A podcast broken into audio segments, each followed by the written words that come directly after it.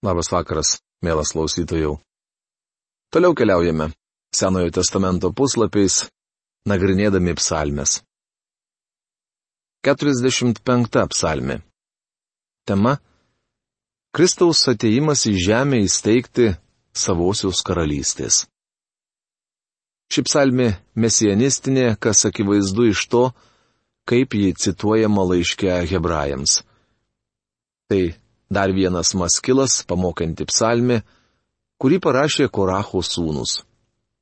Prierašas byloja choro vadovui Lelyjų melodiją. Šioje psalmėje matome Kristų kaip mesiją. Jis yra Šarono gėlė ir slėnių lelyje. Senojo testamento vertime iš hebrajų į aramėjų kalbą, prie dedikacijos dar pridėti žodžiai savo grožiu, karaliau ir mesijau, tu pranoksti žmonių vaikus.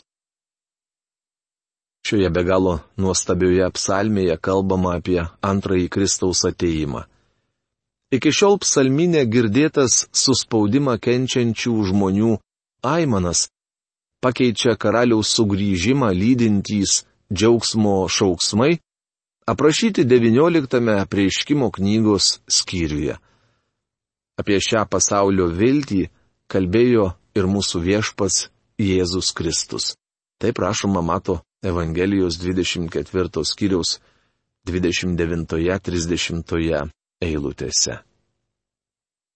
Širdis man tvinsta kilniais žodžiais, kai dedu šias eilės karaliui, Mano liežuvis kaip įgudusio rašytojo plunksna.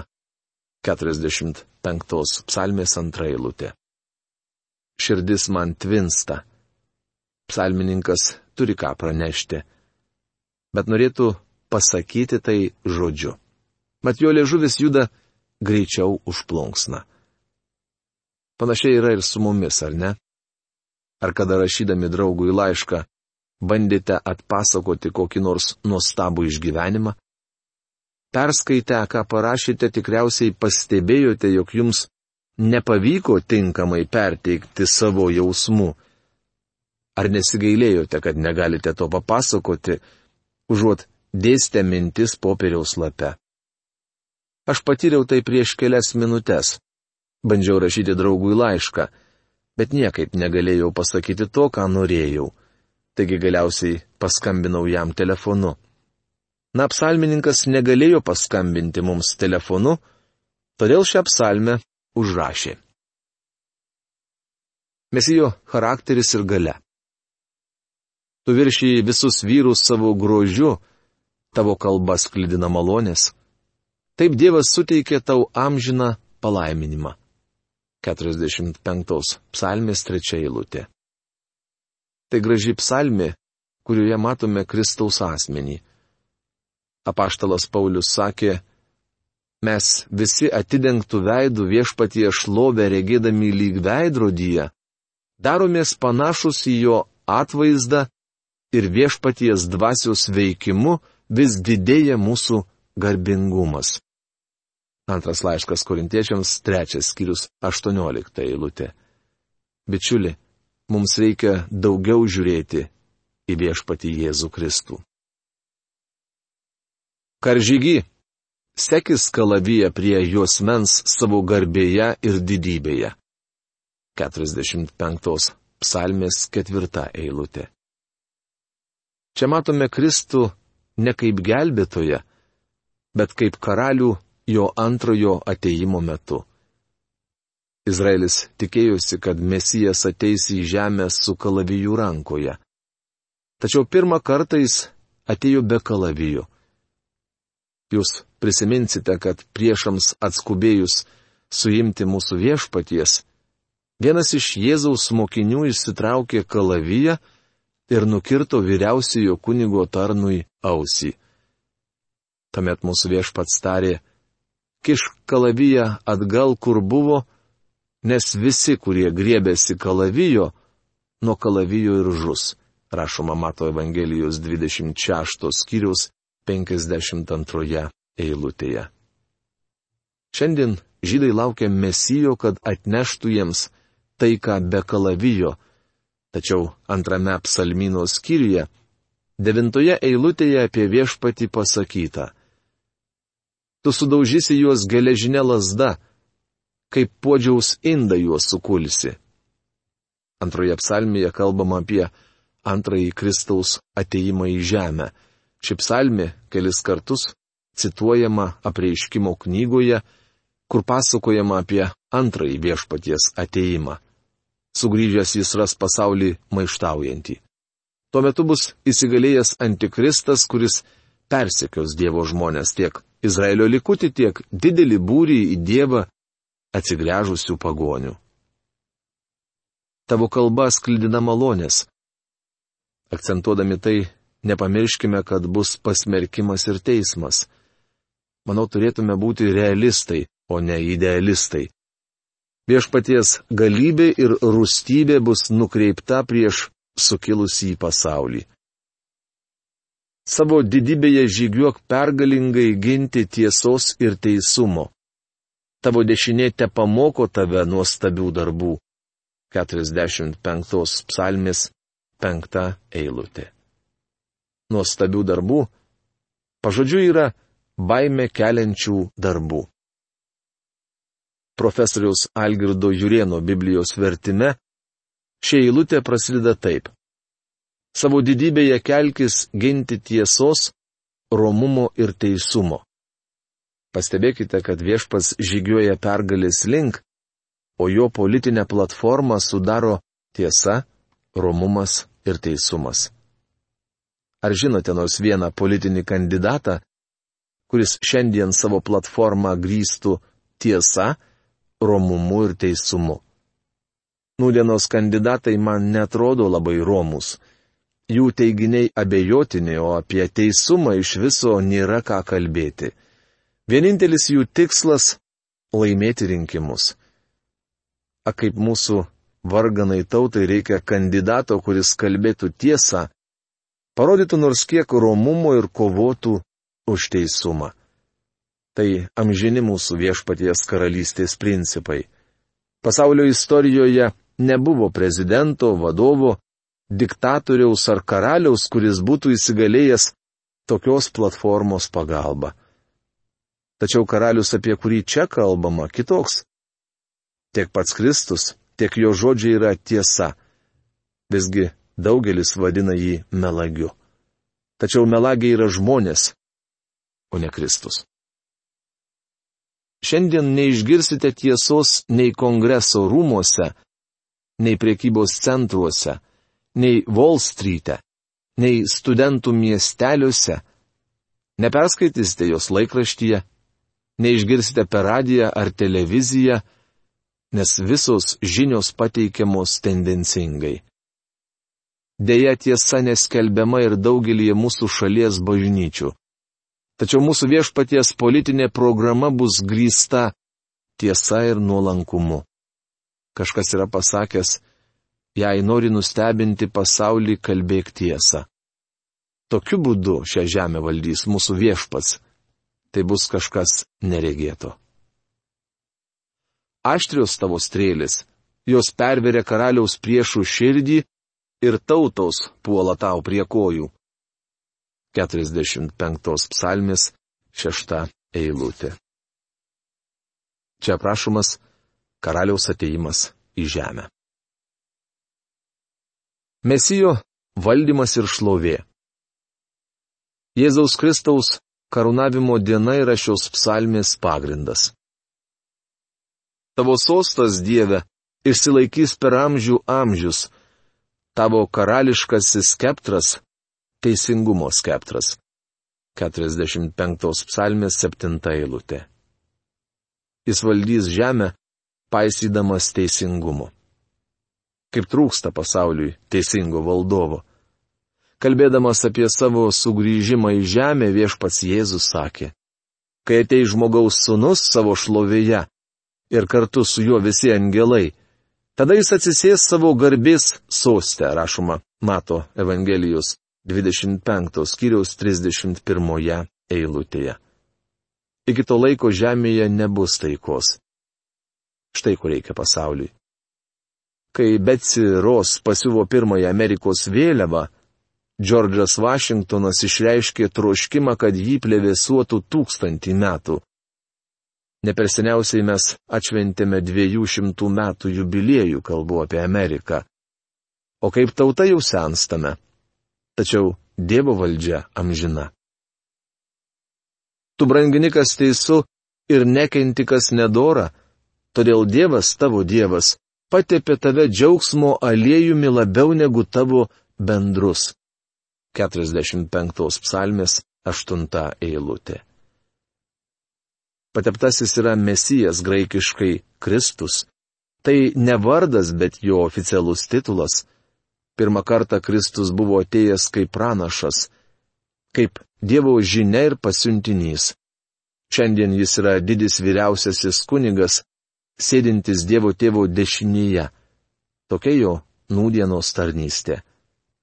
Tačiau antrą kartą Kristus ateis kaip karalius ir mesijas. Dievas patepė tave džiaugsmo aliejumi. Gaila, kad mes linkę įsivaizduoti jį kaip skausmų vyrą. Mano įsitikinimu, Jėzus Kristus buvo džiaugsmingiausias žmogus, koks tik kada nors gyveno šioje planetoje. Norėčiau perskaityti dvi laiške hebrajams cituojamas eilutes, iš kurių aiškiai matyti, jog mūsų studijuojama psalmė yra mesianistinė ir joje kalbama apie viešpatį Jėzų Kristų. O sūnui sako, tavo sostas Dieve amžių amžiams, ir teisingumo lasda yra tavo karališkoji lasda.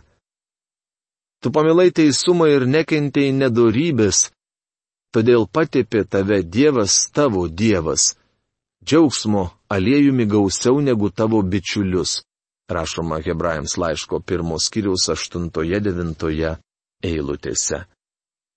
Kritikai, mėginant jį taikyti šią psalmę Saliamonui ar kokiam nežinomam karaliui, neatsižvelgia į tai, kad jis vadinamas Dievu. Nemanau, kad į Saliamoną ar bet kokį kitą karalių kas nors būtų kreipęsis Dieve. Visas pirmas laiško hebrajams skyrius kalba apie viešpaties Jėzaus didybę. Jis vadinamas Dievo šlovės atšvaitu ir jo esybės paveikslu. Sakoma, jog viešpats Jėzus atsisėdo didybės dešinėje aukštybėse ir tapo tiek pranašesnis už angelus, kiek prakilnesnį už juos paveldėjo vardą. Tavo drabužiai kvepia mira, alaviju ir kasija. Iš dramblio kaulo išpoštų rūmų stygų garsai tave linksmina. 45 psalmis 9 eilutė. Kristus atėjo į šią žemę, kad suteiktų mums džiaugsmo pilnatvę. Jis iškentėjo kryžių dėl jam skirto džiaugsmo. Mes kaip tikintieji turime džiūgauti. Izraelitams, klajojant po dykumą, judo giminėjo visos tautos prieš akiją. Judas reiškia šlovė. Tačiau užuot šlovinę Dievą, jie kartu su kitais skundėsi, veršleno ir traukė dikumų bliuzą. Ta pati šiandien daro bažnyčia. Bičiuli, Tikintieji turėtų garbinti Dievą, o neskūstis. Per kalėdas mes gėdame giesmę, džiugauk pasaulį viešpats atėjo, žemę priimk savo karalių. Tai anaip tol nekalėdinė giesmė. Joje kalbama apie antrąjį Kristaus ateimą. Tad nederėtų jos priskirti prie proginių giesmių. Toliau skaitydami šią nuostabią psalmę, matome epizodą dvare. Tarp tavo dvaro didžiūnų yra karalaičių, tavo sosto dešinėje stovi karalienė, papuošta auksu iš ofyro. 45 psalmės 10 eilutė. Senajame testamente bažnyčia neminima vardu, tačiau mano įsitikinimu ją apibūdina simboliai ir kalbinės figūros. Manau, Senajame testamente nuotaka dažniausiai simbolizuoja Kristaus nuotaką - bažnyčią. Tai galima pasakyti apie Jėvą, Rebeką ir Rūtą. Kas toji karalienė paminėta skaitytoje eilutėje? Nors jie tiksliau neapibūdinama, mano nuomonė, karalienė simbolizuoja bažnyčią. Kristus išaukštins ją, atvesdamas prie savo sosto. Klausykis, dukterie, įsidėmėk ir įsiklausyk, užmiršk savo tautą ir tėvo namus. 45 psalmės 11 eilutė. Mums reikės palikti šį pasaulį, tad neturime jo mylėti. Išgelbėti iš pasaulio, glauskimės prie viešpaties. Karalius trokš tavo grožio, nes jis tavo viešpats, tad turi jam paklusti.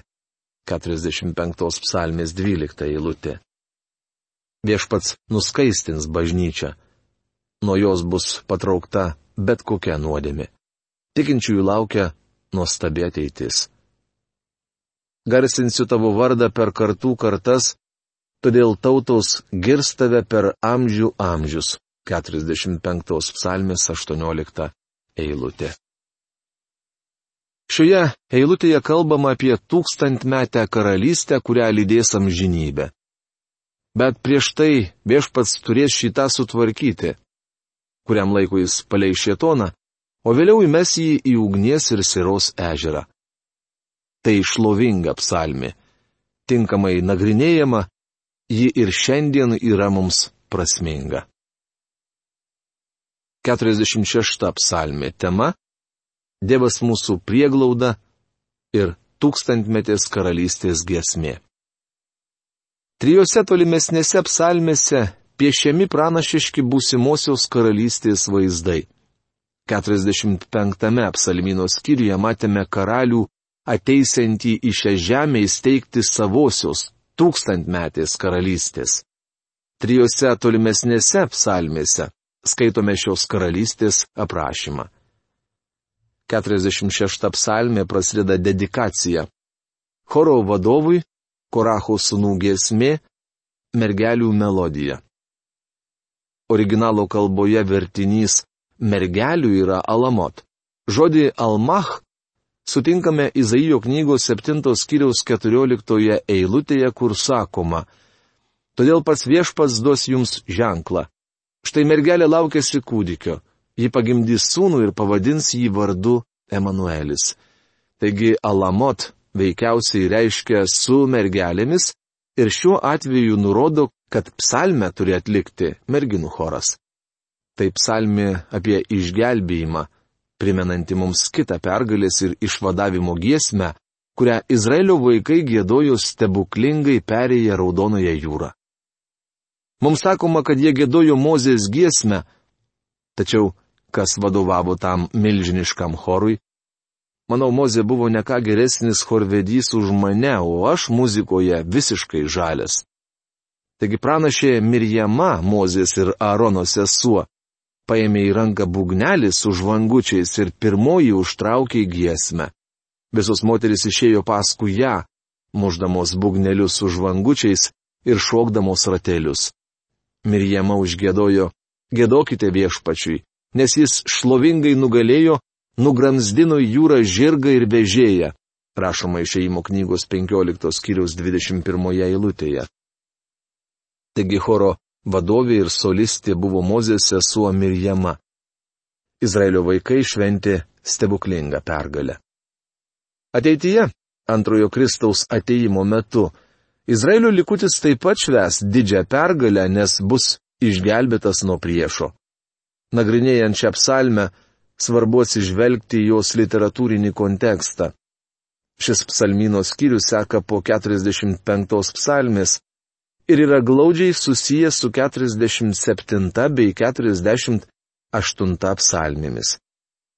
Žmonės nagrinėjantys šias psalmes atskirai man primena mažą berniuką, kuris paprašytas apibūdinti melą, suplakė į vieną dvi, viena su kita nieko bendro neturinčias šventojo rašto eilutes. Jis atsakė, melas yra pasibjaurėjimas viešpačiui, bet visada artima pagalba varguose. Jis klaidingai perteikė šventojo rašto mintį. Berniuko atsakymas mums kelia šypseną, tačiau mes elgiamės taip pat, jei ištraukiame šią psalmę iš konteksto ir atskirai ją nagrinėjame. 46 psalmė yra nuostabus soprano solo. Tai ne graudus bliuzas, o aleliuja, priegesmis, kuriame pasakojame apie aukščiausiąją Dievo valdžią, jo teikiamą pagalbą ir saugumą. Dievas yra viskas, ko mums reikia. Dievas, mūsų prieglauda ir stiprybė, visada artima pagalba varguose. Todėl nebijome, nors žemė sverdytų. Nors kalnai griūtų į jūrų gelmę, net jei jų vandenys šėltų ir putotų, kalnai drebėtų nuo jų šėlsmo. Sela. 46 psalmės 2-4 eilutės. Tai nuostabus pažadas. Kas nors galbūt paklaus, iš kur žinote, kad šie žodžiai teisingi. Kągi, jie teisingi, nes taip sako Biblija. Tačiau man tai daugiau nei vien sausa teorija. Aš išbandžiau šį pažadą ir įsitikinau, kad jis veiksmingas. Mums sakoma, išbandykite ir patirkite patys, koks geras viešpats. Laimingas žmogus, kuris randa pas jį užuovėje. Rašoma 34 psalmės 9 eilutėje. Jėzus kalbėjo, kas nori vykdyti jo valią supras, Ar tas mokslas iš Dievo, ar aš kalbu pats iš savo galvos, rašoma Jono Evangelijos 7 skyrius 17 eilutėje. Sunkia akimirka galite pasikliauti Dievu. Užklupti vargo krikščionis nepasitikė Dievu, nes nežino, kad jame yra viskas, ko mums reikia. Mums reikia Dievo, kuris mūsų nenuviltų. Toks yra Jahve. Nors žemė sverdėtų, Žemės drebėjimas viena iš baisiausių negandų. Ar kada nors jautėtės taip, tarsi žemė jums lystų iš pokojų? Daugeliu žmonių atrodo, kad jie vieninteliai kenčia vargus. Vargai užklumpa visus, tačiau Dievo žmonės sunkia valanda randa prieglaudą viešpatyje. Iš visų psalmių Martinui Liuteriui labiausiai patiko 46. Turbūt jos įtakoje jis parašė ir žymųjį reformacijos himną tvirčiausia apsaugos pilis yra mums viešpats Dievas. Dievas yra mūsų prieglauda ir stiprybė. Visada artima pagalba varguose. Tuo įsitikino įvairiais amžiais gyvenę žmonės. Klausimas, ar jūs tikite tuo? Apsvarstykite. Ir kitoje laidoje mes tęsime psalmių apžvalgą. Iki greito sustikimo. Sudė.